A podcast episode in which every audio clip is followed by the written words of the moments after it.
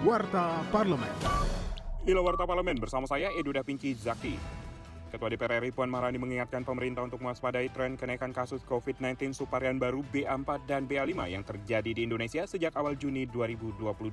Hal tersebut diungkapkannya terkait pernyataan Menteri Kesehatan tentang prediksi kenaikan COVID-19 di bulan Juli mendatang. Meskipun menurut pakar tingkat hospitalisasi subvarian baru itu berada di kisaran 1 per 3 dari puncak Delta dan Omikron, politisi praksi PD Perjuangan itu meminta pemerintah bersiap untuk mengantisipasi segala kemungkinan yang akan terjadi. Jangan sampai kejadian yang lalu-lalu terulang kembali.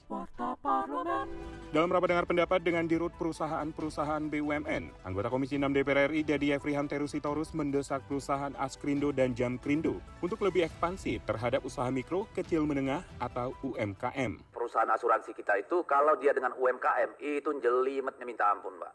Ya, jadi mohon minta diperhatikan. Saya tahu teman-teman di Askrindo, di Jamkrindo tentu perlu apa namanya juga lebih ekspansif lah kalau menurut saya.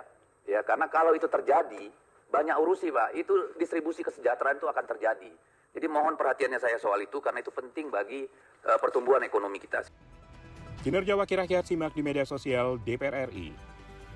Wakil Ketua Komisi 10 DPR RI Agustina Wilujeng Pramustuti mengungkapkan pengangkatan pegawai pemerintah dengan perjanjian kerja atau P3K guru menimbulkan kecemburuan sosial khususnya kepada para guru yang tidak lulus ujian. Hal itu disampaikannya usai kunjungan kerja spesifik ke Kabupaten Deli Serdang, Sumatera Utara baru-baru ini. Untuk itu, Wakil Rakyat Dapil Jawa Tengah 4 tersebut menegaskan Komisi 10 DPR RI akan membawa temuan itu pada rapat kerja bersama kementerian terkait untuk mengupayakan yang terbaik bagi kesejahteraan para guru. Televisi Radio Parlemen. Demikian Warta Parlemen, Produksi TV dan Radio Parlemen, Biro Pemerintahan Parlemen, Sekjen DPR RI.